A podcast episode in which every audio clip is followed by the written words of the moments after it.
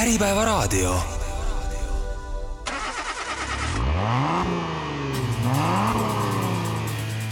autojutud. head autojuttude kuulajad, lubage alustada kahe tuhande kahekümne neljanda aasta esimest saadet pisut isiklikumal noodil minu lapsepõlve kõige olulisem raamat kannab nime Vormel üks täielik entsüklopeedia. algselt Inglismaal Carlton Booksi poolt välja antud teos, mille avaldas kahe tuhande esimesel aastal eesti keeles kirjastus Varrak. peatoimetaja Bruce Jones, tõlkinud Juhan Haabit ja Pille Russi, toimetanud Aare Arula, eessõna Damon Hillilt, parandatud ja täiendatud versioon. see raamat on mul praegu käes, ma vaatan selle kaane küljes olevat teibitükki, mis sai lapsena pandud, lugesin raamatu lihtsalt nii palju kapsaks aga vaat siin kõrval on mul tegelikult lausa kahes eksemplaris nüüd veel teinegi väga värske, enne läinud jõulupühi ilmunud raamat. selle nimi on viiskümmend tähelepanuväärset F1 autot läbi ajaloo, paksust on seal pisut isegi rohkem kui entsüklopeedial ning vaat see raamat võinuks olla minu piibel siis, kui ma oleksin sündinud kakskümmend kaks aastat hiljem mina olen autojuttude tegija Karl-Edvard Salumäe ning mul on hea meel tervitada stuudios selle viiekümne F1 autoraamatu autorit Martin Harakut, tere Martin! tere! me hakkame sinuga õige pea rääkima mitmest sinu raamatu nii-öelda subjektist, ehk siis konkreetsetest F1 autodest, mis kujundasid olulisel määral seda, missugusena me neid samu vormel üks autosid tänapäeval teame ja tunneme. kuidas mõne tehnoloogilise uuenduse peale tuldi ja nõnda edasi. Aga peatume enne veel sellel teosel endal, et paranda mind, kui ma eksin, aga ma olen aru saanud, et see on olnud selline poolsalajane sooloprojekt, kirjutatud niimoodi valmis, et paljud inimesed said sellest alles lõpujärgus teada, oma kuludega kirjastatud ja levitatud, minu esimene küsimus loogiliselt on, et miks sa selle vaeva näha võtsid? no inimesel on mingisugune missioon ja inimesel on hobi, eks ju, et mõni sõidab purjelauda, mõni kirjutab raamatut, et noh, nii ta käib, et, et see vormeli huvi on mul täpselt samasugune olnud, nagu, nagu sinagi kirjeldasid, täpselt samasugune, nagu sul on olnud, et ma arvan, et need raamatud on samasugused, samamoodi kapsaks loetud ka mul, et et täpselt sealt see alguse sai ja, ja tekkis niisugune vajadus see rada lõpuni käia selles tähenduses, et, et materialiseeriks ta millekski nii-öelda füüsiliseks nii et sina juba ka siis nii-öelda põrssapõlves vaatasid F1 äh, sõite või sõite ilmselt, ma ei tea, kas sa said vaadata juba? jah, kuskil, ma arvan, kuskil üheksakümne neljandast aastast alates, sest noh, siis ma võisin olla üks niisugune kümneaastane, aga noh, need sõidud on hiljem kõik järgi vaadatud ja mis varasemad on olnud, et mm -hmm. et tänapäeval on see võimalus olemas, et Ayrton Senna hukkumist mäletad näiteks? Äh, Vot ei mäleta, nii peenelt ei mäleta, et ikkagi noh, kümneaastane laps, noh, palju ta mäletab, et palju sa mäletad oma kümneaastasest? kusjuures mina hakkasin ka kümneaastaselt vaatama, see oli siis äh, hooaeg kaks tuhat ja ma mäletan seda, et kui tuli kaks tuhat üks hooaeg, ja tutvustati enne hooaega uusi sõitjaid, kellest üks oli Kimi Räikkönen, kellest keegi midagi ei teadnud näiteks. näiteks. Fernando Alonso oli teine, Enrique Bernoldi oli ja Juan siis... Pablo Montoya. just, ja tema ka, vot see oleks ka mul meelest läinud ja ma mäletan seda äh, minu kui lapse niisugust segadust, et mismoodi, et kas kõik meeskonnad panevad siis autosid juurde või et noh, et minu mõttemaailmas ei olnud see kuidagi, ma ei tulnud selle pealegi, et mingisugused sõitjad siis nagu kuidagi kukkusid meeskonnast välja või lahkusid ja nii edasi. aga noh, niimoodi see pihta hakkas. igatahes äh, seda sinu raamatut lugedes mul on sellest suurem osa läbi äh, ja ma olen saanud päris palju targemaks. Ähm, sa oled kirjutanud äh, küllaltki detailselt, aga samas niimoodi ülevaatlikult ja arusaadavalt lahti, mille poolest siis äh, mingisugune auto tähelepanuväärne või eriline oli. Äh, ma kujutan ette, et päris palju on tulnud nuputada ka, et mismoodi kaunis eesti keeles mingisuguseid asju öelda. aga kustkohast su enda teadmised pärinevad, mis su allikad on nii-öelda? no allikateks on loomulikult kõik need äh, mõnikümmend aastat, mis sa selles äh, alas nii-öelda äh, karvupidi ja nägupidi sees oled olnud, eks ju, see on nagu, see on nagu üks niisugune kaudsem allikas, aga, aga reaalselt on ikkagi noh, hobi ta on ja neid palju, palju saab ise raamatuid loetud. ja need on ikka seda tüüpi raamatud, mida no ütleme, et normaalne inimene ei loe ega ei osta endale, et et ma äh, lugesin niimoodi kaudselt kokku, et kuskil äh, võis olla nelikümmend raamatut äkki, on äh, Amazonist ja e-Bayst ja kust iganes kokku ostetud selle, selle puhtalt selle viiskümmend tähelepanuväärset F1 autot läbi ajaloo tarvis. et äh, Need on jah, sellised Heinzi manuaalid kohati, et kuidas remontida Lotus kahtekümmet viite või noh, et, et noh, sellised on olemas muuseas. et nii ta käib jah, et see on sellise hullu hobi noh, mis sa, sa teed. sa viitasid, et see on mõnes mõttes nagu siis niisugune teekonna lõpuni käimine, see raamatu kirjutamine mäletad sa või on, kas on võimalik mingisugune konkreetne või ligikaudnegi punkt öelda, et, et millal sa selle raamatu kirjutamise mõtet heietama hakkasid? See oli kuskil kaks aastat tagasi, ma mäletan väga hästi, kus ma ühe hea sõbraga arutasin seda teemat, et noh, et peaks hakkama kirjutama, peaks tegema, peaks plaani tegema, peaks täpselt niimoodi kavakindlalt minema hakkama, siis ma mäletan, kui ma saatsin talle sõnumi üks no see tähistas siis seda, et esimene auto oli äh, nii-öelda maha saadud, tema, ta oli valmis kirjutatud, et äh, mis see esimene auto oli, kas kohe hakkasid kronoloogilises järjekorras minema või? tead, naljakas, aga ma tõesti ei mäleta peaks vaatama nagu arvutist järgi, et mis see esimene loodud fail oli, aga, aga tõesti ei tule meelde. aga sealt siis hakkas veerema ja nüüd siis on äh, asi tehtud, kuidas sa selle tulemusega ise rahul oled? no kuidas saab üks äh, autor ise nüüd rahul olla lõpuni, eks ju, millegagi, et äh, kunagi ei saa vast, et äh, aga noh, tuli nagu ta tuli, eks, et, et loomulikult on seal palju subjektiivsust, eeskätt just selles vaatevinklis, et, et mis autod seal üldse sees on noh, paljud on küsinud, et kuule, et kas äh, Jordan üks üheksa üheksa, et noh, et aga miks ta nüüd seal sees on või, või miks neid kahe tuhandendate Ferrarisid seal nüüd nagu kolm tükki on, eks. aga nagu noh, ta ongi minu raamat, eks, et noh, mina olen autor, ma olen koostaja, et noh, keegi teine ju seda ei teinud, et seda tegin mina, et, et äh, nii ta on. see, et sa oma kuludega oled selle kirjastanud ja ka levitad niimoodi enda ja siis äh, heade niisuguste sõprade abiga, kas see otsus tuleneb äh, sellest, et keegi, ükski kirjastus ei tundnud selle raamatu vastu huvi või millest see valik? ei, no ütleme, et, et see, see on mul lihtsalt selline vaba valik, et ikka see on selline äh, teistpidi tore tegemine, et, et see on ka natukene oled nii-öelda teisipidi nagu ärimaailmas sees, eks, et et ei, ma ei, ma ei pakkunudki seda ühelegi kirjastusele ja, ja keegi ei osanud seda ka minu käest küsida, et ei, ma olen, see on, see on täiesti teadlik valik lihtsalt minu poolelt, et, et see on, ma ütlen, ma naudin iga hetke, kui ma saan jälle, olgu see siis koormatäis Rahva Raamatusse või Apollosse saata või, või mida iganes, et, et kellelegi käest kätte seda müüa, et, et see on fantastiline. ja mäletan ma õigesti, et tuhat eksemplari sai esialgu trükitud? tuhat eksemplari, jah. kuidas müük senimaani läinud on? ma arvan, et hästi numbritest tahad rääkida, ei taha? ei, ma arvan, et natuke liiga vara veel, sellepärast et meil ei ole siin ühte täiskuudki veel olnud, kui mm. see raamat on reaalselt poelettidel olnud, nii et äh, anname veel aega? anname aega, loomulikult. hästi, aga lähemegi siis konkreetsete autode juurde ja ma loodan, et äh, meil õnnestub kuidagi mm, konkreetsematel mudelitel peatudes teha siis ka pisukene äh, niisugune tiir F1 ajaloos või, või kuidagi nagu mingisugust loogilist aegrada mööda minna, ma muidugi etteruttavalt ütlen, et meie see aja arvamine nende autode mõttes lõpeb nagu suhteliselt kaugel ära,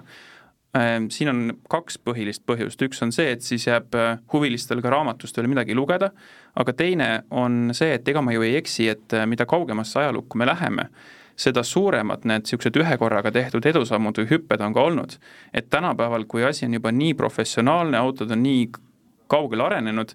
siis need edusammud on noh, sellised tibatillukesed, kas pole? jaa, ma mainingi selle ära, et, et noh, et, et kõige, kõige värskem auto selles raamatus on kaks tuhat neliteist aasta Mercedes-Benz äh, kaks siis null viis. ja põhjus on tegelikkuses hästi lihtne, miks näiteks seal ei ole moodsa aja näiteks Red Bull, noh võtame kas või eelmise hooaja Red Bulli mm, -hmm. mis äh, võitis kõik peale ühe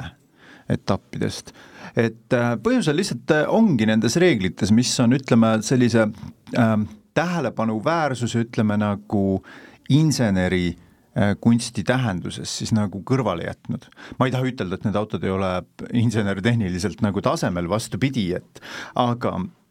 ütleme, et tänapäeval tulla välja millegagi, mis äh, noh, põrmustaks kõik senised nagu teadmised ja senised trendid, et see on praktiliselt võimatu. et seetõttu on see ka kaks tuhat neliteist, ütleme, see ongi nii noh, minu silmis lihtsalt nagu olnud selline viimane aasta. noh, sellel aastal tutvustati siis hübriidtehnoloogiat, eks ju, vormel ühes, ja Mercedes siis, Mercedese valitsemine algas, et äh, aga jah, et kas need on olnud viiekümnendad või kuuekümnendad, mis ütleme, kõige rohkem on seda vormel ühte vorminud äh,, raske öelda, sellepärast et äh, et ka seitsmekümnendatel, kaheksakümnendatel on väga suuri edusamme tehtud, noh võtame näiteks kaheksakümnendat äh, Renault äh, mootori mis siis tutvustas maailmale pneumaatilist klapiajamit, pärast mida siis suudeti põhimõtteliselt ületada no ütleme, kui, kui puhtmehaaniliselt, eks ju, vedru, klapivedru suudab töötada kuskil noh, üksteist tuhat pööret minutis noh, klapp teeb muidugi oma, omas taktis liigub, aga pneumaatilise ajamiga nii-öelda suudeti siis need mootoripöörded ju kahe tuhandendate keskpaigaks ajada kuskil kahekümne tuhandeni, meeletu. Et V kümme mootor, mis käib kakskümmend tuhat pööret, eks ju, edasi, et et noh, ma ütlen, neid, neid on eri ajajärkudes on neid suuri ja väga mõjusaid hüppeid olnud palju. Selle raamatu noh, nii-öelda kaanestaar on esimene F1 sarja tiitlivõitja, Alfa Romeo sada viiskümmend kaheksa, kui see just ei ole Alfa sada viiskümmend üheksa, ma ei teagi. see peaks olema sada viiskümmend kaheksa, jah. no vot, et F1 sarja ajalugu ulatubki tuhande üheksasaja viiekümnendasse aastasse, siis oli esimene aasta, kui vormel üks nime all neid maailmameistrivõistlusi peeti, muidugi suured Grand Prix'd toimusid juba enne teist maailmasõda, needsamad F1 sarja reeglid pandi paika, parandage mind, kui ma eksin, tuhat üheksasada nelikümmend seitse, lihtsalt pärast suurt ja koledat sõda viiekümnendaks aastaks jõuti nii kaugele, et oli nagu äh, millega sõita ja kes sõita ja kus sõita. E, ja seesama Alfa sada viiskümmend kaheksa pani siis selle viiekümnenda aasta veenva eduga kinni, võitis kõik Euroopa pinnal toimunud etapid, välja arvatud siis äh, Indy viiesaja, mis küll ametlikult kuulus F1 sarja nimistusse, ehkki tegelikult ei sõitnud Euroopa mehed siis Ameerikas ja vastupidi ja viiekümne esimesel aastal sellesama üks viis kaheksa edasiarendus üks viis üheksa äh, oli samuti võidukas ja võitis äh, sõitjate tiitli, konstruktorite tiitlit toona veel välja ei antud. aga selle auto lugu on tegelikult ju palju pikem kui see viiekümnes aasta ja see sünnilugu ongi niisugune kaunis, äh, no ütleme, et see on võib-olla siis tiitli võitnud autodest kõige keerukama eelloo või mingisuguse saamislooga auto selles tähenduses, et tegelikult mudel üks viis kaheksa valmis juba kolmekümnendate lõpus, ja see ei olnud toona üldse mitte kõige suurema masinaklassi auto, vaid see oli siis nõndanimetatud ja see on nüüd prantsusekeelne sõna, ma niikuinii hääldan seda valesti, aga voitsurett, mis prantsuse keeles tähendabki siis väikest autot, ütleme siis tänapäevases mõistes nagu F2 masin kolmekümnendate teises pooles valitsesid neid suuri Grand Prix sõite Hitleri Saksamaa rahastatud Mercedes Autounioni masinad, eh, varasemalt eh, liidri rollis olnud Itaalia ja Prantsuse võistkondadele jäi siis niisugune teise viiuli roll ja sealsamas teises viiulis või teises ešelonis siis see sada viiskümmend kaheksa oligi täitsa tubli auto, need masinad elasid sõja üle salajastes eh, peidukohtades ja viiekümnendate alguses siis ei olnud neile autodele vastast. minu esimene küsimus ongi sulle, et äh, miks see nõnda oli, miks Alfa oli ikkagi teistest nii palju parem? praktiliselt ütleme, kui me sellest autost endast räägime, siis äh, ega ta ju kuidagimoodi nagu eriline ei olnud selles tähenduses, noh, ma räägin loomulikult iseendale vastu siin, et, et moodsat Red Bulli ei kõlba raamatusse panna, aga Alfat kõlbab, aga eh, noh, kui me vaatame nüüd konkurente, kus nad olid, Ferrari Äh, ütleme siis päris Ferrari nime all oli ju suhteliselt värske aastaks viiskümmend. nelikümmend seitse oli asutatud, jah. kuigi, et Enzo Ferrari äh, oli ju varasemalt olnud Alfa Romeo tiimipealik ja tema Scuderia Ferrari oligi olnud Alfa Romeo äh, tehase tiim. nii, aga, aga ütleme, et autoehituse poolelt äh, olid nad ei kuskil võrreldes Alfa Romeoga nii, Mercedes oli loomulikult tänu sõjale ja, ja kõigele sellele poolele, oli kadunud pildilt, noh, Bugatti, kõik säärased margid, Lanciad, Maseratid, noh, Maserati ütleme noh, kuigi, kuigivõrd äh, oli esimestel aastatel, aga noh, praktiliselt seda konkurentsi ei olnud seal. Mm, -hmm. et see oli kohati pooleldi noh, ütleme selline amatöör, amatöörlik võidusõit, on ju, ütleme nendel esimestel aastatel ma ei suudakski teda nagu pidada kuidagi selles tähenduses nagu kuidagi nagu jube tähelepanuväärseks, aga noh, esimene ta oli, esimesed kaks aastat ta võitis, noh, järgnevad kolmas ja neljas aasta juba võidutses Ferrari, noh, see oli jällegi paljuski sellest tingitud, et et Alfa Romeo ise tõmbus tagasi. ja noh, sealt edasi viiskümmend neli, viiskümmend viis võidutses jällegi Mercedes, eks ju, ja taaskord ülekaalukalt, metsiku ülekaaluga. et noh, nii kui Saksamaa ja Saksamaa, ütleme, autotööstus jalad alla sai, siis tegelikult näidati itaallastele, kuidas, kuidas autosid ehitama peab ja ja võib-olla, et autoehitusest rohkem on seal isegi ütleme see, kuidas äh, kogu seda võidusõidu korraldama peab. sest ega see Mercedes äh, nüüd ei olnud, äh, teab mis, teab, mis dominantne auto nüüd selles tähenduses või et, või et hea auto või et, et äh, pigem oli just see, et, et kuidas, kui professionaalsel tasemel seda, seda tiimi jooksutati. nii ka tegelikult kolmekümnendatel, enne ja. seda mainime siis ära selle, et, et Alfa Romeo tõmbuski viiekümne esimese aasta järel täielikult, äh, tõmbasid rubilniku seinast ja seda sel lihtsal põhjusel, et äh, esiteks neil ei olnud juba enne viiekümnendat aastat mingeid sisulisi vahendeid seda autot arendada, need autod olid õnneks olemas, neid natukene aidati järele, noh näiteks viiekümne esimeseks aastaks anti uuem tagavedrustus ja kaheastmeline siis äh, ülelaadur, aga neil oli noh, nad said aru, et, et nad jäävad Ferrarile nüüd alla neil ei olnud võimalik uut autot arendada ja siis nad otsustasidki, et, et selle asemel, et olla luuserid, nad siis ei sõida. seal oli tegelikult peamine põhjus äh, oli see, et, et Alfa Romeol oli vaja oma tootmine ümber organiseerida, et, et mm. ütleme, kuni sõja alguseni oli Alfa olnud äh, äh edukas sportauto tootja, eksklusiivsete sportautode tootja peamiselt. aga sellist turgu enam ei eksisteerinud pärast seda, et vaja oli hakata ikkagi mass tootma suhteliselt odavaid autosid, aga see nõudis investeeringuid ja see oli peamiseks põhjuseks, miks Alfa nii-öelda tagasi tõmbus. kuigi et auto ise, sada viiskümmend kaheksa, sada viiskümmend üheksa, oli ka selleks hetkeks juba lihtsalt moraalselt vananenud. No seda niisugust sõjajärgset kasinust väljendab ka see, et kahjuks ma ei suutnud seda allikat üles leida saateks valmistudes ja ma ei mäleta, kust kohast ma kuulsin seda, aga mul on jäänud, sööbinud mällu niisugune fakt, et needsamad kaks hooaega, kus tavaliselt oli Alfa Romeo'l väljas kolm, mõnel puhul ka neli autot, sõideti ära üheksa mootoriplokiga see näitab ka seda, et kui vähesega tegelikult hakkama saadi ja nagu sina viitasid ka, et tegelikult see oli üsnagi amatöörlik asi veel toona. jah paljuski küll, jah. sa ise oled muuhulgas alfista, see tähendab siis seda, et Alfa Romeo fänn, kui olulist rolli selle alfa armastuse juures äh, mängib sinu jaoks see, et, et äh, ajalooliselt on tegu tohutult võimsa võidusõidumargiga? no väga palju tegelikult, sest äh, no ütleme, armastus nende autode ja selle automargi vastu on noh, jällegi kurat teab, kust see pärineb, eks, aga aga selline ta on ja ja, ja kui me neid ütleme noh, vaatamegi neid võib-olla niisuguseid kuni veel, kui Alfa oli veel ütleme iseseisev tootja noh, kuni kaheksakümnendate keskpaigani, siis ütleme neid autosid ja sealt varasemaid vaatame, siis need on ikka väga palju ehitatud selles stiilis, et nagu, et nendel ehitajatel, inseneridel on olnud peas võidusõit mm. -hmm et ütleme, kui sa, kui sa võtad mingisuguse koostu lahti ja vaatad, kuidas see tehtud on, siis noh, et see ei ole tehtud sellel äh,, seda eesmärki silmas pidades, et ta tootmise jaoks võimalikult odav oleks, vaid et ta oleks äh, nii-öelda täidaks oma funktsiooni, eks, et äh, ehk siis noh, täpselt nagu võidusõit on, et tarbetuid asju ju ei ole, eks ju, et igasugune detail on selline, nagu ta olema peab, et aga jah, see, et nüüd äh, õnnestus mu enda raamatu kaanele panna üks Alfa Romeo, noh, ma pean seda loomulikult vabandama kõigile kogu aeg, et aga noh, tõsi ta on, et äh, et midagi sa pead sinna kaanele panema, midagi abstraktset on raske panna, aga noh, kõige esimene maailmameistri tiitli võitnud auto. loogiline valik ja kuule, ilus on ka ikka ju. ilus on ka kahtlemata ja just. no kui me mõtleme tänapäevasele vormelautole ja siinkohal mitte ainult F1-le, vaid ükskõik mis masinaklassi vormelile, siis üks noh, niisuguseid kesksemaid, otseses mõttes kesksemaid jooni on see, et mootor asub juhi selja taga keskel. ja ometigi praktiliselt kogu viiekümnendate noh, kümnendi sõideti ja võideti valdavalt masinatega millel mootor oli juhi ees. Et äh, see on selles mõttes nagu veider lugu, et, et tegelikult juba kolmekümnendatel, isegi varem, kolmekümnendatel autounionid, needsamad võimsad masinad, mida me ennist mainisime ka, nendel oli mootor taga, äh, pärast sõda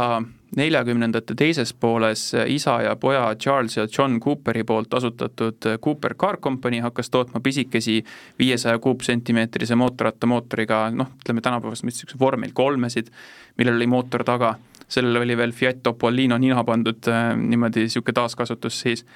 Ähm, äh, sa oled oma raamatus maininud niisugust küll täiesti edutut ähm, tagakeskmootoriga autot nagu Bugatti äh, Type kaks viis üks, mis siis oli selle tohutu kuulsa ajalooga Bugatti niisugune viimane ponnistus, mis kahjuks kuhugi ei jõudnud, ja tegelikult tagakeskmootoriga vormeli debüüt F1 sarjas oli juba teisel sõidul Monacos kui sellise kosmopoliitse taustaga ameeriklane Harry Shell ühe sellesama Cooperi tõi starti. muide, ma lihtsalt ütlen niimoodi kuulajatele huvitava faktina, et Harry Shell osales vabatahtlikuna Soome talvesõjas. nii et, et väga-väga kirju ja huvitava elulooga mees, suure osa oma lapsepõlvest veetis Prantsusmaal, kes tahab, siis saab guugeldada, see Shell kirjutatakse S-C-H-E-L-L. aga seesama tagakeskmootoriga auto hakkas domineerima alles aastal viiskümmend üheksa, kui seesama Cooper tõi välja mudeli T viiskümmend üks, võitis sellega mõlemad tiitlid, nii konstruktorite oma kui siis sõitjate omast võitis Jack Brabham ja kuuekümnendal aastal edasiarendusega T viiskümmend kolm kordas nii Jack Brabham kui Cooper siis seda edu. minu küsimus on see, et miks võttis nii kaua aega, et seesama tagakeskmootoriga auto lööks nagu platsi puhtaks, sellepärast et eelised on ju täiesti ilmselged, iga autohuviline teab, mis on selle eelised, miks tänapäeval tehakse kõige vingemad sportautod kõik keskmootoriga. parem kaalujaotus, saab teha auto natukene madalama, kompaktsema ja nõnda edasi, et, et miks siis nii kaua läks? no jah, vaata, kui me vaatame viiekümnendate vormeleid, siis paljudel oli, tegelikult oli ees keskmootor ehk siis mm -hmm. see mootori asukoht, ehk siis noh, see kõige, kõige soodsam asukoht ehk siis telgede vahel, see justkui oli nagu tagatud. Äh, miks selleni ei jõutud, vot raske öelda, eks ju, et äh, noh, võib-olla oligi, et, äh, et ei olnud, ütleme, selle, kõige selle arenduse ja kõige jaoks ei olnudki nagu nii palju, nii palju lihtsalt ressurssi panna, ütleme nendel sõjajärgsetel aegadel mis noh, ütleme, kui olnuks Bugatti kaks viis üks natukenegi edukas võib-olla oleks seda märgatud, aga noh, seda ta ei olnud loomulikult. Äh, muuseas, äh, Owen Maddock, kes oli siis Cooperi peakonstruktor, on kirjeldanud seda, et, et temal tegelikult ei olnud nagu mingit mingit nii-öelda suuremat plaani selle mootoriga sinna, sinna sõitja taha nagu asetada, et et esimene nii-öelda nagu alge, miks ta seda tegi, oli lihtsalt see, et ta, et ta pääseb kardaanist. ja kuna nad olid väga paljuski äh, mootorratta mootoritega äh,, Klimaksi mootorratta noh, nii-öelda, et see, see baseerus mootorratta mootoritel. kettülekandega ka vist, eks ju? et siis äh, noh, täpselt nagu mootorrattal tavaks, siis äh, seda oli lihtsalt nõnda palju lihtsam sinna tagasillale panna või, või tagasilla ette siis mm. -hmm. ja, ja kuna tagasillana äh, käigukasti käigukast võeti Citroenilt, Citroen Traction Avantilt, mis, mis, mis oli siis esiveoline mm -hmm. auto, see võeti sisuliselt peegelpildis tõsteti sinna taha sillale ja, ja see oligi nagu loogiline ja siis nagu, eks ju, sellega seoses ju avastati, et oot, aga nüüd kardaani meil ei ole, sõita saab oluliselt madalamal istuda, nii edasi, nii edasi, nii edasi, et sellel oli noh, tohutult eeliseid. täpselt samamoodi ütleme nagu John Barnardi äh, kaheksakümne üheksanda aasta Ferrari kuus neli null, eks ju, et, et see labadega käigukast, kui tuli, et et see ei olnud eesmärk nagu labadega käigukasti teha, eesmärk oli sellest äh, totakast käigukangist lahti saada ja kogu sellest hoovastikust ja liigendisüsteemist, eks ju, mis taha käigukasti nagu äh, pidi siis äh, liikuma, et et see oli ka niimoodi pooljuhuslikult jah, see Owen Maddox selleni nagu jõudis ja, ja noh, järgijad olid sellel tegelikult nagu koheselt nii et see nagu ikkagi poolkogemata see niisugune eelis avastati või ütleme siis nagu täielik potentsiaal, mis tagakeskmootoriga auto endas kätkes? just, ja, ja noh, eks seal oli ka seda, et, et ütleme, toonane Äh, rehvi, rehvide nii-öelda arendus või noh, ütleme see, see tase, kus äh, võidusõidurehvid olid, oli lihtsalt niivõrd madal, et, et äh, et ega seal ei olnudki selle kurvi dünaamika, ütleme sõidudünaamika juures, et ei olnudki nagu suurt vahet, kus see mootor asub, et seal rehvil niikuinii seda pidamist ei ole, eks ju mm -hmm., et noh, et see, see auto käis sellest rehvist nagu nii palju üle et noh, võib-olla oli ka nagu sellel nagu, nagu sellised omad, omad nii-öelda nagu põhjused võib-olla natukene nii-öelda mitteteadlikuma inimese jaoks on huvitav teada, et seesama Cooperi nimi, ehkki Cooper Car Company'd ja seda võistkonda enam ammu-ammu ei ole, siis see elab ju tegelikult kõigis Mini Cooperites edasi, sellepärast et seesama firma hiljem hakkas siis tuunima eh, sedasama algupärast Mini, mis tegelikult kandis algselt kahte nime Morris Mini või Austin Seven siis anti välja eh, versioon Mini Cooper, hiljem Mini Cooper S, mis teadupärast võitis kolm korda Monte Carlo ralli, tegi ka ringradadel ilma, ja see, et tänapäeval seesama niisugune miniluukpära kannab nime Cooper, ongi siis nagu selle niisugune tulemus. just, õigusjärglane. jah, ehkki niisugune natukene kaugem, eks ju. aga läheme edasi ja nüüd eh, me jõuame jutuga ühe väga niisuguse erilise võidusõidutiimi ja asutajani, jutt käib Lotusest ja selle asutajast ja juhist Colin Chapmanist Colin Chapmani puhul võib täiesti kahtluseta öelda, et tegu oli geeniusega, mis puudutab siis erinevaid insener-tehnilisi lahendusi ja auto konstrueerimist. ja mitte üksnes, äh, tegelikult Chapmani puhul tuleb ka kogu tema nii-öelda nagu seda äri, ütleme, müügi- ja turunduspoolt tuleb ka veel esile tõsta. just, ja lisaks oli veel tegu väga hea sõitjaga ise, kes küll niimoodi äh, ametlikel võistlustel väga ei osalenud, aga nendel harvadel kordadel, kui ta hüppas kas või mõne vormelauto rooli või osales näiteks kereautodel, siis tegelikult tal oli ka väga hea sõidutunnetuse käsi. nii et tegu oli siis nagu noh, nii-öelda perfektse tormiga, et, et tal olid nagu kõik omadused olemas noh, Colin Chapmani poolt on äh, kuulsaks öeldud mitu niisugust tsitaati, millest ilmselt kõige kuulsam on, et lihtsusta ja lisa kergust, inglise keeles simplify then add lightness, see võtab päris hästi kokku ka selle, mismoodi Chapman mõtles ja missugused tema autod olid. Ehm, kuuekümnendatel ja seitsmekümnendatel tulid väga paljud uuendused, mis olid siis sageli niisugused suured arenguhüpped just nimelt lootuselt. Ehm, Martin, kui ma väidan sulle, et äh, selles, selles mõttes oli lootus ja see aeg eriline, et äh, tänapäeval ja tulevikus ei tule enam mitte üheltki tiimilt nii järjepidevalt nii suuri edasiminekuid, nii suuri tehnoloogilisi revolutsioone, siis kas sa oled selle väitega nõus või tahad natukene vastu vaielda? ma olen absoluutselt sinuga nõus äh, selles osas, et kui me vaatame Lotus kahtekümmet viite, monokoki nii-öelda tutvustaja, Lotus nelikümmend üheksa, mis kombineeris siis äh, Äh, selle Cosworthi mootori, see Cosworthi DFI äh, mootori pani siis äh, autole kandvaks osaks, mootor oli esimest korda siis täielikult kandev strukturaalne element, või siis sealt edasi kohe paar aastat hiljem Lotus seitsekümmend kaks, mis on siis ütleme, tänase vormeli noh, ütleme, et nimetame teda päriselt esiisaks, mis kombineeris kõik need asjad siis kokku omavahel ja lisas veel aerodünaamika, tõi küljepontoonid vormelile, ehk siis äh, jahutusradiaatorid viis külgedele. Äh,. pea no, kohale ka õhuvõtu pea kohale ka veel õhuvõtuava, jah, just, et äh,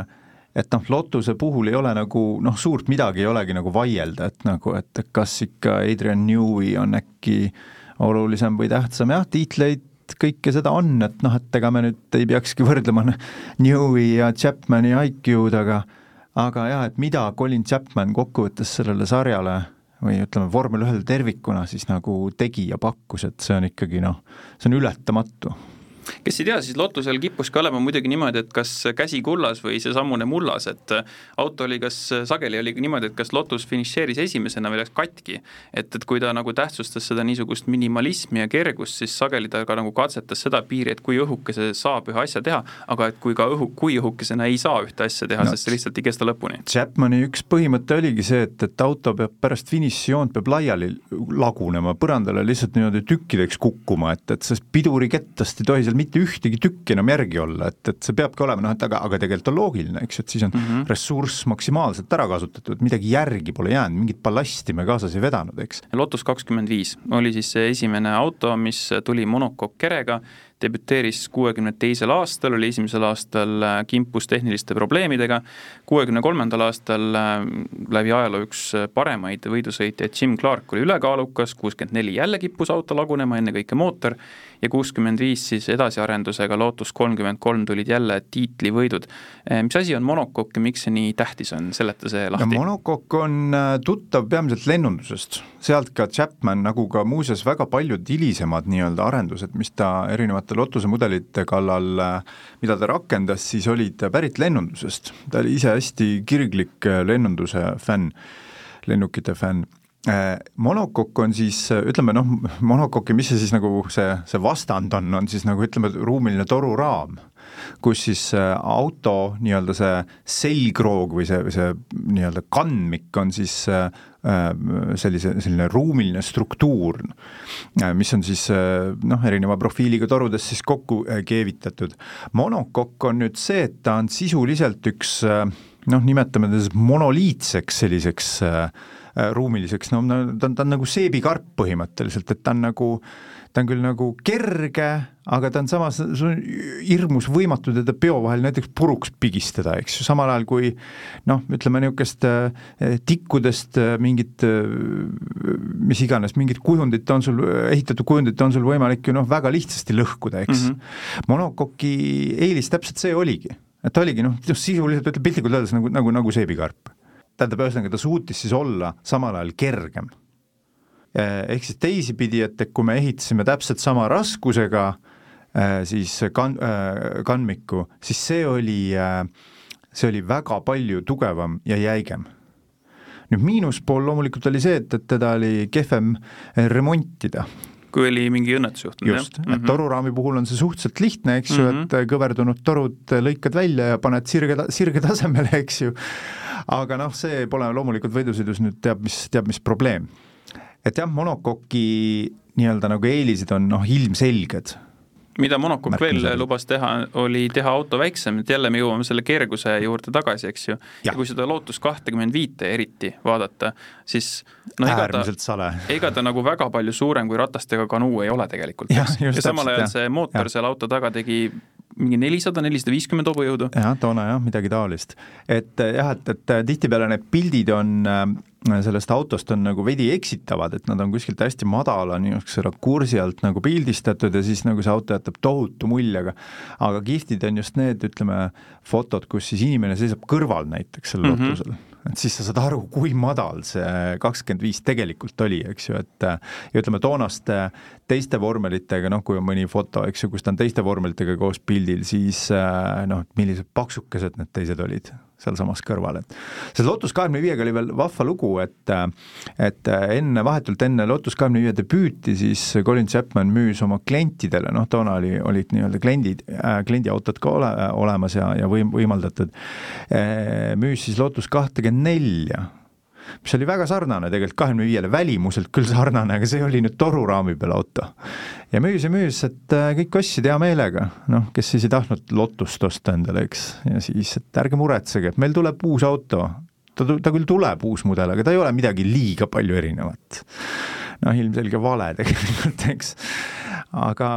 aga jah, Lotus kakskümmend viis oli noh, et ütleme, üks revolutsioonilisemaid autosid läbi, läbi ajaloo hiljaaegu, see oli kas nüüd eelmine aasta, ma arvan, et see oli eelmine aasta, kui Goodwoodi kiirusfestivalil hüppas ühe kahekümne viie rooli äh, ei keegi muu kui Nigel Mansell, üheksakümne teise aasta maailmameister, aga mõistagi on tegu juba sellise, ta saigi eelmine aasta seitsekümmend, et tegu juba niisuguse vanema härraga, eks seda niisugust rasva on ka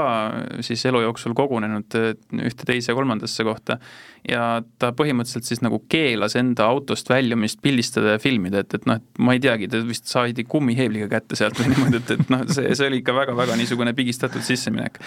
Lotus nelikümmend üheksat äh, sai juba ka mainitud ja see on siis üks niisugune auto, see auto tegi kuuekümne seitsmendal aastal debüüdi, kuuskümmend kaheksa võitis juba tiitleid mille arvele siis on võimalik kirjutada väga palju nii-öelda jutumärkides esimesi, sa oma raamatus ütled sedasama asja, et äh, sa juba mainisid seda Cosworthi DFV mootorit, äh, esimene vormel, kus äh, mootor oli siis auto struktuurne osa, mootori külge kinnitasid nii tagasild kui käigukast,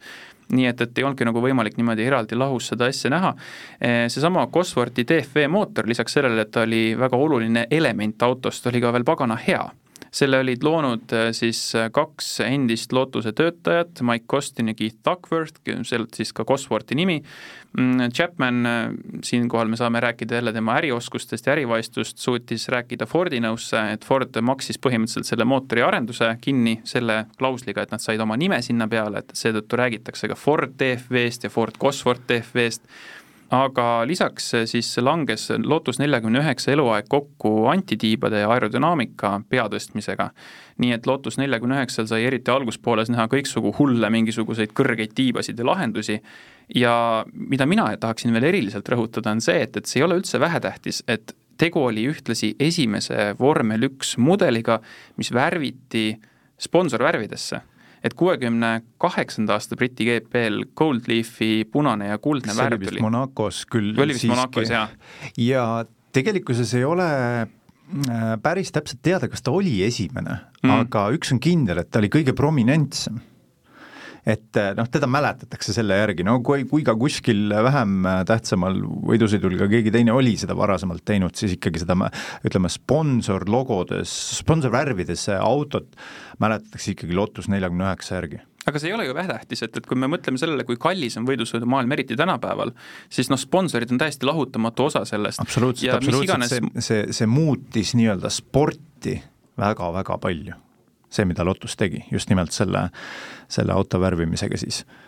Et äh, kahtlemata see muutis kogu selle spordi olemust, ütleme, kui me meenutame, noh, sellest palju tänapäeval ei räägita, aga aga tegelikult on nagu selline noh, ütleme, nagu ma ütlen, väheteada fakt, et, et kuni kaheksakümnendate alguseni oli tegemist väga noh, teisejärgulise spordiga ikkagi aga noh, kuskil seal kaheksakümnendatel, üheksakümnendatel, siis see muutus täiesti nagu globaalseks, kommertslikuks, globaalseks, noh, kõrvuti olümpiamängude ja ja, ja jalgpalli tiitlivõistlustega, eks ju, et, et, et sinna kõrvale see vormel üks asetus. aga noh, varasemalt oli ta, oli ta siis olnud jah, selline harrastajate noh, seda on võib-olla nagu natuke inet, inetu niimoodi väljendada, väljendada, aga nurgatagune sport ikkagi. kahtlemata, noh niisugune jah pisut küll no vot, aga kui me mõtleme sellele, et Lotus neljakümne üheksa arvele saab kirjutada päris mitu esimest, siis kuidas sulle tundub, et kui me püüaks otsida läbi aegade kõige uuenduslikumat F1 autot, kas Lotus nelikümmend üheksa võikski see mudel olla? ei, ma pakuks Lotus seitsmekümne kahe sealjuures, sellepärast et seitsekümmend kaks, mis tuli siis aastal tuhat üheksasada seitsekümmend, oli siis ütleme, esimene, mis oli juba täielikult integreeritud aerodünaamiliste lahendustega, et kui Lotus neljakümne üheksale ikkagi topiti neid külge mm, -hmm. neid tiivakesi siia-sinna ja ühel võistlusel olid need kõrged tiivad seal vedrustuse külge kinnitatult ja teisel võistlusel oli mootori kate jälle kuidagi teistsugusem ja nii edasi, siis Lotus seitsekümmend kaks oli esimene, millel ta oli nii-öelda nagu tervik kogu see aerodünaamik, aerodünaamiline pool. ja Lotus seitsekümmend kaks nüüd äh, äh, võttis siis monokoki, võttis selle strukturaalse mootori äh,, aerodünaamika, küljepontoonid, eks ju, nagu mainisime ja, ja liitis need tervikuks, et ütleme, sealt edasi nüüd on edasi, edasi on tegeletud ainult nii-öelda ütleme, kosmeetikaga, täpselt nagu me mainisime, labadega käigukasti või pneumaatilist klapiajamit või noh, me saame seda nimetada ikkagi kosmeetikaks, aga vo-, vormel üks kui selline on tänase päevani selline, nagu ta, nagu ta sai siis ütleme, Lotus seitsmekümne kahega siis äh, algusaastal tuhat üheksasada seitsekümmend. No vot, seitsekümmend kaks, leidsime siis üles selle kõige innovaatilisema, me oleme nüüd lootustest päris pikalt rääkinud, aga ma tahan veel ühe lootuse ära mainida, see kannab mudeli nime seitsekümmend üheksa. Ja see oli siis esimene äh, vormel, mis kasutas täiel määral ära nõndanimetatud maa-efekti või siis teinekord kasutatakse ka nime pinnaefekt, kui ma proovin võimalikult lühidalt ja, ja niimoodi ülevaatlikult öelda, et mis see on, siis me peame rääkima Bernoulli printsiibist, nagu sina räägid ka oma raamatus, ja tähendab see Bernoulli printsiip väga lühidalt seda, et kui õhk liigub läbi ahaneva ava, siis juhtub kaks asja, õhuvool kiireneb, rõhk alaneb ja maakeeli imeb auto ennast sinna maa külge kinni. Lotus seitsekümmend üheksa, mis seitsmekümne kaheksandal aastal siis välja tuli, kasutas seda efekti täiel määral ära, võitis ka Mario Andretti juhtimisel sõitjate tiitli ja konstruktorite tiitli, seda aastat jäi küll ähm, tumestama siis see, et äh, Andretti tiimikaaslane Ronnie Peterson äh, Itaalia Grand Prix'l hukkus, ähm, aga ma tahan selle auto puhul hoopiski ühe teise asja välja tuua, nimelt äh, vaevu paar aastat hiljem tuli siinsamas Eestis välja Estonia vormelivabriku kõige ikoonilisem, kõige tähtsam, kõige meeldejäävam mudel, kakskümmend üks, ja seal oli samamoodi seda maa-efekti kasutatud, see oli terves maailmas esimene nõnda madala klassi vormel, mis sedasama maa-efekti kasutas. Ja Eesti autoajakirjanduse Grand Old Man Margus Hans Kuuse on siinsamas autojuttude saates meenutanud, kuidas tema kaudu liikusid siis Lotuse üks viiele joonised, need saatis talle tollane Lotuse pressipealik Andrew Ferguson ja noh, mitte küll kõigest, aga teatud detailidest, konkreetselt Lotuse tehas saatis Nõukogude Eestisse ühele ajakirjanikule nagu jooniseid. ja seal, seal oli veel lisaks veel nendele joonistele olid ka näiteks äh, Sabelti turvavööd Mm -hmm. kõik, kõik säärane, mida noh, Nõukogude Liidus ütleme, inimene noh, võis ainult unistada, et ta näeb midagi säärast, et äh, et jah, ma olen ise neid äh, jooniseid muuseas näinud ka Margus Ants Kuuse juures olles, et, et et jah, Raul Sarap oli, noh, kes oli siis äh, vormel, vormel Estonia siis äh, üks konstruktoritest, peakonstruktor vist toona, ja ise ka võidusõitja, et tema oli meeletu Colin Chapmani fänn, siiamaani on. Ja, ja äh, ta jälgis väga-väga noh, no ütleme, nii palju, kui see Nõukogude Liidus võimalik oli, et, et äh, noh, hoidis, hoidis äh, ilmselt ka tänu siis Margus Ants Kuuse ja, ja, ja teistele säärastele tegelastele, eks ju, kes, kelle, kelle käes oli sellist äh, ebaseaduslikku materjali nagu välismaa võidusõidu, ütleme, ajakirjandus. ja, ja hoidi, hoidis ühesõnaga nendel tegemistel silma peal väga teraselt. ja, ja noh, eks ta siis, eks ta siis matkis seda, mida ta siis äh, noh, piltide peal nägi, et noh, ennekõike nad pididki jäljendama seda mõtet, et noh, et, et kui Estonia kakskümmend üks, eks ju, igas mõttes palju niisugune tagasihoidlikum vormelauto, et siis nad ei saanudki üks-ühele kopeerida, aga näiteks seesama Margus Hans Kuuse siinsamas saates meenutas, et äh, tagumise stabilisaatorvarde reguleerimine pandi ka konkreetselt nagu lotuse pealt maha. jah, jah, seal kohati need joonised olidki täpselt sellised, et väga-väga detailirikkad et toona, toona ei olnud nõnda, et kui auto lõpetas, ütleme, hooaja või, või mida iganes, et siis teda ei saadetud kas muuseumisse või, või et, et üt-, ütleme, mis on moodsal ajal tavaks, on ju see, et ütleme noh, käigukast, et käigukasti nii-öelda korpus jäetakse küll alles, aga sisu näiteks hävitatakse ära. et jumala eest keegi konkurent ei näeks, et millist mm -hmm. tehnoloogiat on kasutatud, ütleme, hammasrataste loomisel. ja nii edasi, et, et toona oli kõik vaba käisid mööda seda samust boksiteed ringi ja vaatasid ja tegid märkmeid ja pildistasid, eks ju. meil on mis asja, March müüs sulle šassii, Cosworth müüs sulle mootori ja just. siis ülejäänud oli juba teilutehnika, eks ju. just et, et see oli, see oli tavapärane, aga jah, et, et kui me sellest pinnaefektist veel räägime, noh siis ütleme niimoodi piltlikult öeldes on see, et, et kui me enne mainisime tiibasid, antitiibasid siis, noh, mis on siis samasugused tiivad nagu lennukil, aga ainult tagurpidi, eks nad ei ole mõeld-, mõeldud nii-öelda autot õhku tõstma, vaid vastupidi, vastu maad suruma, siis see Lotus seitsekümmend üheksa oligi ise üks suur tiib sisuliselt, see on, see on võib-olla kõige parem kirjeldus mm -hmm. selle auto kohta, et võib-olla nendest Bernoulli printsiipidest ja igasugustest äh, muudest vent-, Venturi tunnelitest nagu äh, ei peakski nagu rääkima, aga lihtsalt kui kujutad ette, et auto on oma katmiku all, noh see, mida sa silmaga ei näe, ongi ise üks suur tiib, tagurpidi tiib, siis noh, see oligi Lotus ja, ja sama oli siis Estonia kakskümmend üks. Estonia kakskümmend üks muuseas oli kui ma nüüd õigesti mäletan, siis ta oli kõige pop- äh,, enam toodetud siis vormel Estonia. toodeti kolmsada viisteist tükki äkki või? vot need numbrid erinevad, mina olen kohanud ka numbrit, et kakssada üheksakümmend viis, et noh, sinna kuskil kolmesaja tuuri ta nagu jääb. jah sest noh, seal oli ikka need edasiarendused kakskümmend üks, kümme ja nõnda edasi. ja kui me niimoodi arvutame, siis saamegi, et ta oli kõik, kõikidest, kõik Estoniatest siis veerand olid äh, kahekümne ühed. Just, no maa-efektist äh, on põhjust ka seetõttu rääkida, et eelmisel aastal tuli see ju vormel ühte tagasi, seal oli see lugu, et kaheksakümne teise hooaja järel Ehm, maaefekt keelustati, seal oli see, et need autod olid muutunud noh, ütleme ausalt, nii vastikuks sõita juba sõitjate jaoks, et see kujutas nagu endast teatavat ohtu, ma ei tea, kas sina, Martin, oskad nimetada mõnda teist aega, kus F1 äh, autod olid sõitjatele nii piinarikkad, aga no vähemasti nii-öelda ühed piinarikkamad masinad küll, aga eelmisel aastal toodi siis küll mitte samasugusel määral, aga toodi seda ikkagi tagasi. Ja seekord oli siis selle asja mõte see, et äh, autod rikuksid vähem seda või noh, tekitaksid vähem õhuturbulentsi ja, ja üksteise taga oleks võimalik sõita, et, et see siis tähendab ka seda, et, et möödasõidud on mõnevõrra lihtsamad. Just, et see kaheksakümnendate lõpp või alguses, tähendab esimestel aastatel oligi see äh, siis Chapmani poolt nii-öelda rakendatud, ellu viidud see pinnaefekt oli siis äh, noh, viimistletud siis nagu noh, hullumeelsusteni ja, ja sõitjad nagu noh, sõitjad kurtsidki, et nad enam ei noh, sul ei, sul, sul, sa lihtsalt ei püsi teadvusel enam mm, -hmm. et mhm. kurvikiirendused on liiga suured. noh, ütleme, tahtes nii-öelda nagu siis paralleeli tuua, siis siis kuulaja peaks minema proovima näiteks siinsamas Soomes, eks ju, Linnamägi lõbustuspargis on üks vahva atraktsioon nimega Taiga, kus siis hetkeks saab 5G-d Äh, siis inimene kogeda. Ja, ja soovitan seal selle atraktsiooni peal käia, ütleme noh, neli-viis korda järjest. see kestab nelikümmend sekundit, eks ju, kord. see on üks ring siis põhimõtteliselt? No, pool ringi mm, -hmm. pool ringi vormelautoga, eks. et äh, ma ütlen, et seda, noh, kui viis korda seal ära käia, siis on äh, noh, enesetunne ei ole hea mm. -hmm. ja, ja noh, need maaefekti autod, ütleme toona äh, vedrustusest ei saanud rääkida, sest vedrustus oli ehitatud võimalikult jäik autodel praktiliselt puudus vedrustus, sest äh, äh, eesmärk oli hoida autot äh, konstantsel kõrgusel siis maapinnast, et needsamused küljepontoonide need kardinad, mis siis sulgesid selle, selle nii-öelda need Venturi tunnelid siis ülejäänud väliskeskkonnast, et need siis hoiaksid täpselt ennast õigel kõrgusel nii-öelda, põhimõtteliselt sisuliselt vastu asfalti. et need kurvikiirendused olid jah, pöörased, ja sõitjad enam ei noh, ütleme niimoodi, et seal ei olnud sõitjad, ka kõige, kõige hullumeelsemad sõitjad tegelikkuses ei nautinud seda sa mainisid ennist äh, väga põnevat autot, mille me tahame veel eraldi peatuda, Tyrrell B kolmkümmend neli.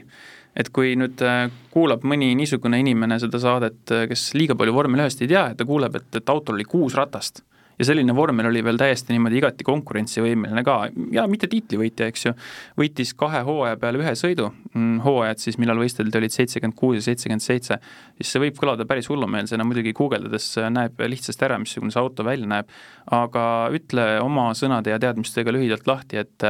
mis oli kuuerattalise vormeli ülitamise mõte, mis olid selle eelised ja miks siis, olgugi et äh, idee tegelikult täitsa kandis, miks see siis ikkagi nagu nii-öelda laineid ei löönud ja pidama ei jäänud? Peamine eesmärk oli Derek Gardneril ehk siis Tireli peakonstruktoril see, et ähm, et äh, kuna open wheeler, ma ei tea, kuidas see eestikeelne sõna on, aga noh, lahtiste ratastega auto. No, katmata ratastega. just, katmata ratastega auto, noh, see ongi vormel eks, et, et see ongi open wheeler on ta nii-öelda teine definitsioon, need paganama katmata rattad tekitavad meeletus koguses õhuturbulentse. Ja, ja aga mis on eesmärk, eesmärk on tahatiivale juhtida võimalikult palju segamatut õhuvoolu, ühtlast homogeenset õhuvoolu, et tekitada surujõudu. nüüd ähm, kuidas sellest turbulentsist lahti saada? no kui sa teed väiksemad rattad, siis on ka väiksem turbulents, eks ju, peamiselt esi, esimesed rattad on need, mis just seda õhuvoolu tagatiivale siis äh, segama kipuvad. ja, ja ta tuligi selle lahenduse peale, et aga mis oleks, kui paneks ette topeltrattad, eelised võiks ju teoreetiliselt olla äh, väga suured, ehk siis et äh, pidurid on küll ka veidi väiksemad, aga nad ei ole, ütleme, kuna neid on kaks, senise ühe asemel, eks ju, siis nad on kokkuvõttes äh,, annavad rohkem pidurdusjõudu nii, äh, samal ajal peaks olema ka pidamist rohkem esiratastel, sest neid on neli mm -hmm. võrreldes senise kahega. nüüd äh, teoorias kõik klappis ja ütleme ka praktikas äh, väga paljuski klappis äh,, ehkki seal ühele Türeli sõitjale see meeldis, see auto teisele see üldse ei meeldinud. ja äh, see auto võttiski etapi, nagu sa mainisid, ja, ja äh, kus nüüd oli probleem, probleem oli selles, et äh, rehvi tootja ei arendanud neid kümnetolliseid väikseid rehve, miks, sest mitte keegi teine ju ei kasutanud neid, eks, miks ta pidanukski. ja, ja üks hetk olid äh, tagarehvid oma arenduses nii palju edasi jõudnud, võrreldes nende esimeste väikeste tillukestega, et äh, Tirel oli sunnitud taandarendama auto tagaosa et see auto lihtsalt balansis püsiks. Mm -hmm.. muuseas, teine suur probleem oli see, mida Gardner äh, ei näinud, et ähm, noh, taaskord keeruline näha, eks ju, praktikas sellepärast äh, testid ongi, eks, et, et sa ikkagi reaalelus saad teada, mis, äh, mis ja kuidas, oli see, et ähm, kuna äh, võistlusrada ei ole kunagi tasane, ta ei ole perfektselt tasane, siis selle auto neli, need neli esimest ratast ei püsi kõik samal ajal mitte kunagi peaaegu vastu maapinda, ütleme pidurdades ja kiirendades. see tähendab seda, et noh, nii piltlikult öeldes selle auto teljevahe muutus reaalajas pidurdamisel näiteks, terve pidurdusprotsessi käigus ühte kurvi pidurdades su auto teljevahe muutub. no mis on absurd, ütleme kõlab päris jubedalt, jah. jah, et kui sa nii-öelda insener-tehniliselt mõtled, et see on ikkagi nagu noh, õudne ja, ja aga nüüd tagasi selle rehvi arenduse juurde, et äh, see tähendas seda, et, et nad ähm, lõpuks olid sunnitud ka eesmist äh, rataste rööbet laiendama, mis tõi need rattad omakorda sealt esitiiva nii-öelda varjust välja, nad tekitasid nüüd jällegi turbulentsi, ühesõnaga kogu see kon-, kontseptsioon muutus mõttetuks. ja noh, sinnapaika see nii-öelda suri ka, et muuseas neid mitmerattalisi on hiljem veel katsetatud, et et Williamsil oli täiesti kuuerattaline olemas, tema küll kasutas täismõõdus ratastega ja taga olid siis topeltrattad. ja, ja Ferrari väidetavalt olla teinud siis ka kaheksarattalise sellest on mingisugused udused pildid olemas, keegi seda nii-öelda ametlikult väitnud või kinnitanud ei ole, et niisugune auto üldse olemas oli, aga et jah, et kui Fiorano testirajalt on mingisugused udukogud olemas, et, et selline Loch Nessi koletis, eks ju, et keegi olla kuskil näinud. aga jah, kaheksakümnendate alguses pandi see reeglitega paika, rataste arv, see on neli ja, ja samamoodi ka veoskeemid ja, ja kõik muud, et et see oli siis see koht, kus see sport hakkas muutuma professionaalsemaks ja aina enam hakkasid, hakkas neid piiranguid nii-öelda nagu tekkima. võiks, ütleme, selle, selle äh, punkti võiks nagu sinna panna. me oleme maininud äh, mõlemad mitmes kohas Ferrarit, me ei ole äh, välja toonud eraldi seda, mida muidugi väga paljud teavad ka niigi, et noh, tegu on siis mõnes mõttes kõige olulisema meeskonnaga vormel üks sarja ajaloos, tegu on ainsa meeskonnaga, mis on osalenud senimaani absoluutselt kõikidel F1 hooaja aastatel, ehk siis viiekümnendast aastast saati, sa küll ennist tõid välja, et, et tol hetkel oli tegu alles väga niisuguse värske tootja ja meeskonnaga, ma olen niisugune kolm aastat täis, kui sedagi. Aga me ei ole nagu jah, siis niimoodi pikemalt rääkinud, et Ferrari siis läbi aegade kõige edukam, võitnud kõige rohkem konstruktorite tiitleid, kuusteist tükki, vist on teisel kohal jätkuvalt Williams üheksaga, nii et see vahe on ka päris suur. ja sa oled maininud äh, siis äh, Ferrari mudelit kuussada nelikümmend ja selle edasiarendust kuussada nelikümmend üks, vastavalt siis kaheksakümne üheksandal ja üheksakümnendal aastal hooajal. Need autod sõitsid, sa mainisid äh, ka seda, et tegu oli esimese labadega käiguvahetusega autoga see on selles mõttes väga niisugune selgelt kanaliseerunud ka ju tänavasõiduautodesse, absoluutselt kõik sõidusimulaatoridki tänapäeval kasutavad kohati seda täiesti ebaotstarbekalt tänavaautodesse. jah, eks ole, mingisugused äh, mõttetud nupukesed on nagu siis pandud paremale ja vasakule rooli näiteks ja nii edasi. aga ühtlasi, mida sa veel ei ole maininud, on see, et, et kui sa peaksid otsima kõigist hooaegadest ja masinatest enda lemmikut, siis kuussada nelikümmend ja kuussada nelikümmend üks oleks vähemalt väga kõva küsija, mispärast? Äh, esiteks noh, mainitud see labadega käigukast, eks ju, et noh, suunamuutja oli ta nagu noh, massiivne mm, -hmm. et kui tänapäeval on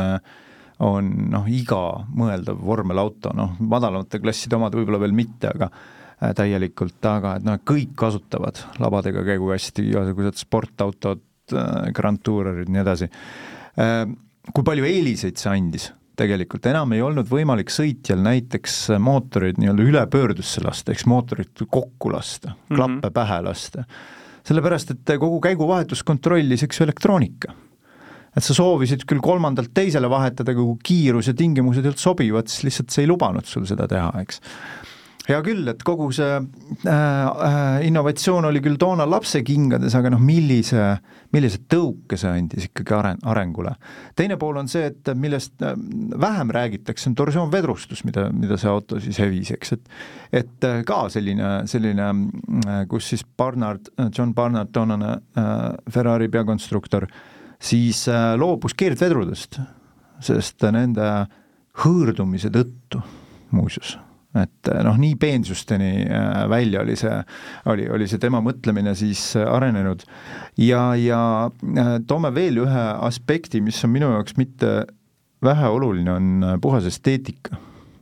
see auto lihtsalt on paganama kena ta on ju New Yorgi moodsa, moodsa kunstimuuseumi püsieksponaat, üks kolmest auto. autost ja ainukene võidusõiduauto, mis mm -hmm. on siis püsieksponaat seal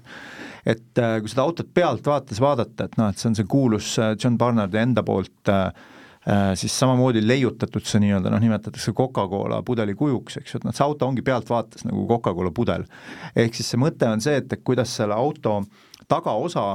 äh, siis äh, ütleme kõik, kõik, mis puudutab mootori katet, küljepontoonidest ütleme selle mootori katteni kuni käigukastini välja, see on vormitud sellise äh, noh, väga-väga sellise saleda ja ütleme, niisuguse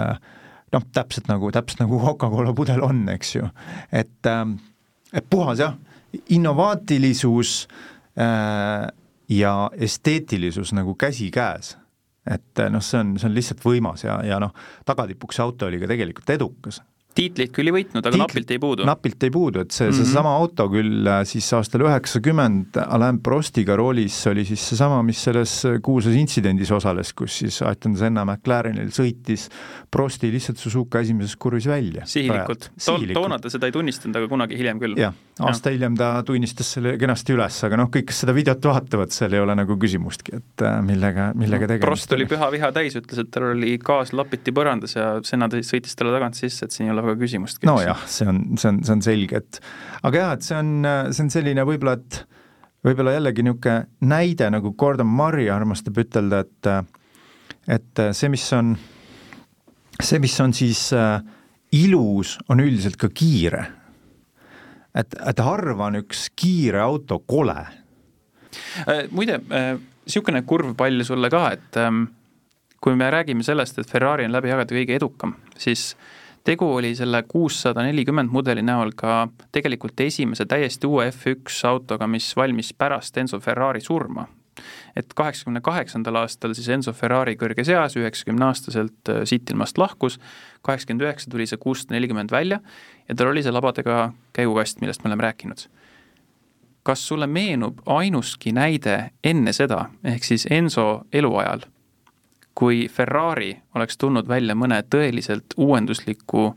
Äh, siis niisuguse noh, lahendusega, sellepärast et Enzo Ferrarilt on ajalukku läinud mitmeid kuulsaid tsitaate, nagu näiteks, et hobune käib ikka vankri ette, mitte järele, mis tähendab siis seda, et Ferrari oli päris niisugune pika viivitusega, võttis selle tagakeskmootori kasutusele, aerodünaamika on neile, kes ei oska korralikke mootoreid teha, samuti Enzo Ferrari kuulus lause, eks ju, see on ka väga hästi vananenud. Et äh, kas sulle meenub ainuski niisugune näide, sellepärast et kui me mõtleme ka näiteks Ferrari ilmselt äh, kõige kuulsama sportauto peale, siis võistlussportauto peale, kakssada viiskümmend GTO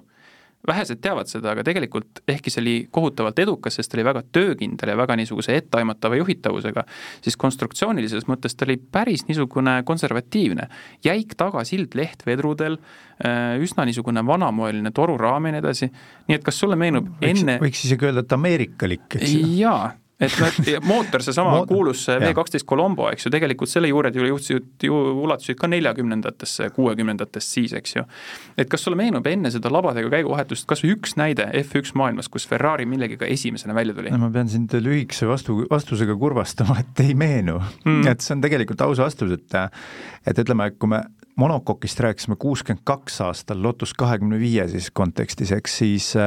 noh, monokokk oli ikkagi noh, kuuekümnendate lõpus ikkagi iga tõsiseltvõetav konstruktor ikkagi kasutas juba monokokki. Ferrari esimene monokokk tuli kas päris monokokk, nagu lõpuni välja monokokk, tuli, kas see võis olla kaheksakümne neljandal aastal, kui Harvey Postlethwaite läks äh, siis Ferrari äh, peakonstruktoriks, eks et äh, noh, kuni sinnamaani ta oli olnud mingisugune äh, hübriid siis toruraamist ja monokokist, noh ta ei olnud nagu täielik monokokk, eks. kui me nüüd mingist, mingit laadi innovatsioonist peaksime rääkima, siis võiks olla Ferrari kolm üks kaks T, Mm -hmm. millega siis Niki Lauda võitis oma esimese tiitli. noh, see T tähendaski seal risti siis istunud käigukasti, eks ju, tagasillal. no võib-olla see üksiku sellise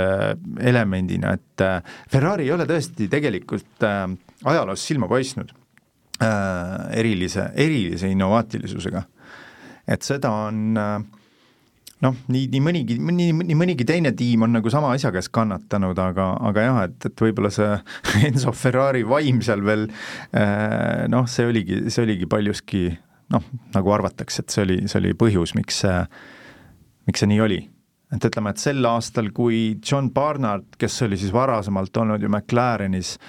äh, kogu selle McLareni kaheksakümnendate edu nii-öelda nagu noh, tema oligi selle alus, aluse panija noh, koos Ron Dennisega, siis äh, noh, ütleme see, mis ta sinna Ferrarisse tõi, noh, ta küll ei suutnud seal seda nii-öelda kaua elus hoida või seda kaua juurutada. söödi no, välja lõpuks sealt. jah, ta söödi välja sealt jah ja,, põhimõtteliselt. ja, ja aga noh, ta näitas selle suuna kätte noh, ütleme, et alles kui noh, Luca di Montezemolo üheksakümne esimesel aastal sai Ferrari presidendiks, noh alles siis hakati vaatama, et kuule, et need tänavasõiduautod, mida me toodame, et see on jama noh, kolm, neli, kaheksa või, või seesama kuulus Ferrari F nelikümmend, eks ju, et noh, mis Gordon Murray selle kohta on öelnud, kuulge mehed, et see auto, see pole mitte kuuekümnendates omadega, see on viiekümnendates. see on toru raami peal, noh et, et noh et aga lõp... samas on Murray öelnud, et äh, kui ta F1 tarbeks, McLaren F1 loomise tarbeks siis nagu proovis erinevaid autosid, talle meeldis väga Honnes, Honda NSX, mis siis näitas Ferrari kolm, neli, kaheksale kätte, mis on tegelikult hea auto, siis ta ütles F40 kohta siiski küll seda, et, et jaa, et, et see on kohutavalt halvasti kenasti tehtud, liimijäljed igal pool kerel ja noh, kõik asjad. aga sensatsioon oli, oli vägev. aga fun oli ja, jah, et, niisugune metsik auto, eks ju. aga noh, ütleme, et eh, noh, sealt edasi kuskil üheksakümnenda keskpaigas tegelikult on see, kus see Ferrari on selliseks nagu ütleme, nagu me teda tänapäeval tunneme, et noh, tänapäeval me enam ei süüdista Ferrarit nagu tagurlikkuses või mm, -hmm. või et ta ei oleks korralikult tehtud või noh, et okei okay,, itaallaslikult küll, aga aga, aga jah, et, et noh, eks Enso mõju seal selles äh, ettevõttes oli ikkagi nagu suur, noh, kuni lõpuni välja, et, et äh, noh, kas siis, kas siis tegeleti sellega, kus siis üritati nagu vanamehe eest lihtsalt varjata midagi, eks ju, see oli ka eraldi tegevus kui selline, et et noh, nii see käis ta oli ikkagi nii-öelda selle, no ta oli see, see, selle päiksesüsteemi kese seal. kahjuks ma ei mäleta või võib-olla ma ei ole seda mitte kunagi teadnud, kes on selle tsitaadi autor, võib-olla sina tead, aga mulle kohutavalt meeldib äh, Ferrari kohta niisugune ütelus, et kui sa vaatad väljastpoolt, siis sa ei saa aru, miks see meeskond kõike ei võida. ja kui sa oled seespool, siis sa ei saa aru, kuidas nad üldse midagi võidavad nii et see võtab nagu tegelikult päris hästi kokku, eks ju. ja, ja, ja just, just, just. Eh, aga paneme siinkohal konkreetsetest autodest, vähemasti siis ajaloolistest autodest rääkimisele punkti just nimelt selle põhjusel, et siis jääb midagi raamatust ka lugeda, teiseks, eks muidugi aega on meil ka siin meeldivas seltskonnas kiirelt libanud, aga ma küsin siiski seda, et eh, lõppenud või siis eelmist vormel üks hooaega domineeris täielikult Red Bull ja selle auto RB19 see võitis kõik äh, etapid peale ühe, mis tekitab niisuguse paralleeli tuhande üheksasaja kaheksakümne kaheksanda aastaga, kui äh, selles samas rollis, kus äh, kõik peale ühe etapi võitis McLaren, üks samuti väga-väga oluline edukas tootja ja konstruktor, kellest me selles saates ei olegi jõudnud rääkida, ähm, ja juhtumisi, nii nagu sel aastal, oli ka kaheksakümne kaheksandal aastal nõnda, et selle ühe etapi, mis siis ei läinud sinna kaukasse, võitis Ferrari muidugi kaheksakümne kaheksanda aastaga on veel see lugu, et, et tegu oli Itaalia Grand Prix'ga, tifooside koduetapp vahetult pärast Enzo surma ja nii edasi. aga ühesõnaga, et, et tekivad teatavad paralleelid eelmise aasta ja kaheksakümne kaheksanda aasta vahel. seesama McLaren MP4 kaldkriips neli on niisugune auto, mida teavad väga-väga paljud vormel üks fännid mida aga paljud kindlasti ei tea ja mida mina näiteks sinu raamatust lugesin, oli see niisugune tõdemus, et tegelikult konstruktsiooniliselt ei olnudki tegu teab mis niisuguse revolutsioonilise või huvitava autoga, pigem kõik need teadmised, mis selleks hetkeks olid juba teada, olid hästi rakendatud, autol oli ka korralik mootor, Honda mootor, ja see oli siis nagu see põhjus, miks auto domineeris. Seda kõike silmas pidades, mis sa arvad, kuidas jääb ajalugu meenutama Red Bull RB üheksateistkümmend? No eks ta puht statistiliselt on ju noh, see, see, see edu, mida, mis, mis seda tänavust aastat saatis, et see on ju noh, meeletu ikkagi mm -hmm. noh, mitu rekordit see purustas ja ja, ja noh,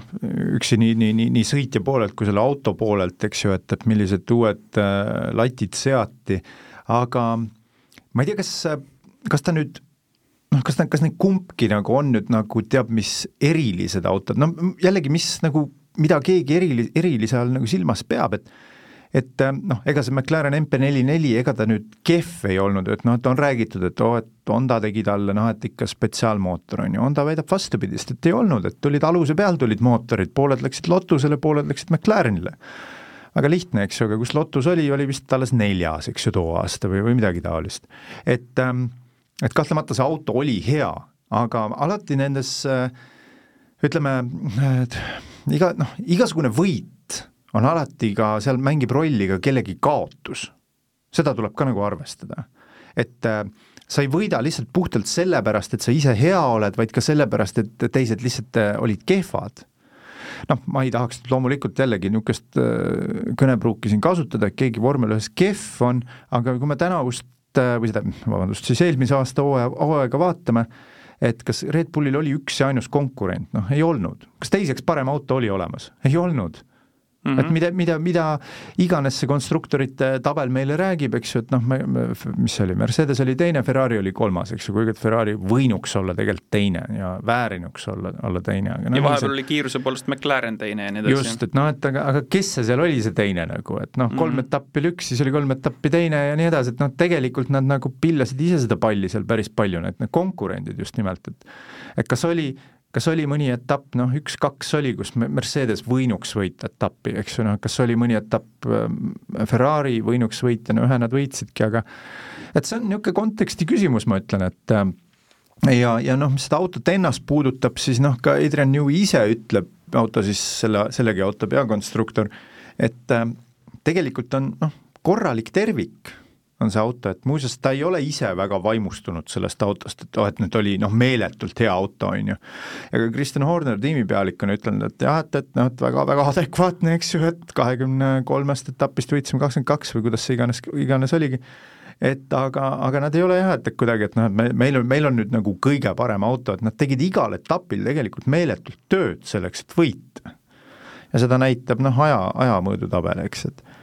ja no mees on ikka ka väga hea, Max Verstappen siis. jah, ülimalt hea, eks no siin ei ole mingit küsimust, no tervik ongi ülimalt hea lõpetuseks ma tulen alguse juurde tagasi, et sa oled siis ühe teosega maha saanud, nüüd äh, tuleb hoolega seda levitada ja müüa. Äh, on sul ka tulevikuplaan kirjutamise mõttes, kas sa tahaksid kirjutada osa kaks, järgmised viiskümmend autot või kuidas sa tunned? mul on autodest on äh, praeguseks hetkeks kõrini, et aga mis tulevikuplaanidesse puutub, siis vastus on jah, et ma põhimõtteliselt sama, samal päeval, kui esimene eksemplar trükikojast tuli, et, et mul juba samal hetkel kirjutasin juba, juba järgnevaid äh, nii-öelda artikleid, et äh, aga mis siis tähendab, et kui autodest on kõrini, hakkad meestest kirjutama või äh,? ma ei mainiks seda praegu veel mm. -hmm.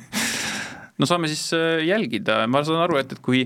esimene raamat võttis paar aastat aega, et siis ma ei tea, mis sa arvad, kas see järgmine, millest iganes see siis täpsemalt räägib, tuleb rutem või kuidas sa endale ise nagu ajaraami sead? Tegelikult noh, kas ta nüüd kaks aastat võttis sellepärast, et ta, et see oli kaks aastat tööd, et noh, et selles ma nagu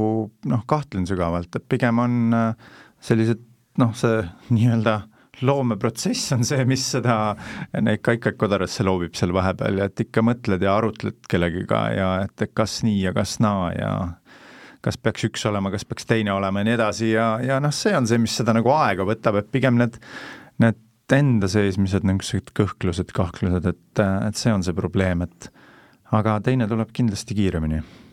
no saame siis näha. selline saigi seekordne Autojuttude saade, külas oli Martin Harak, mina olen saatejuht Karl-Edvard Salumäe, tänan kuulamast ja kohtume taas!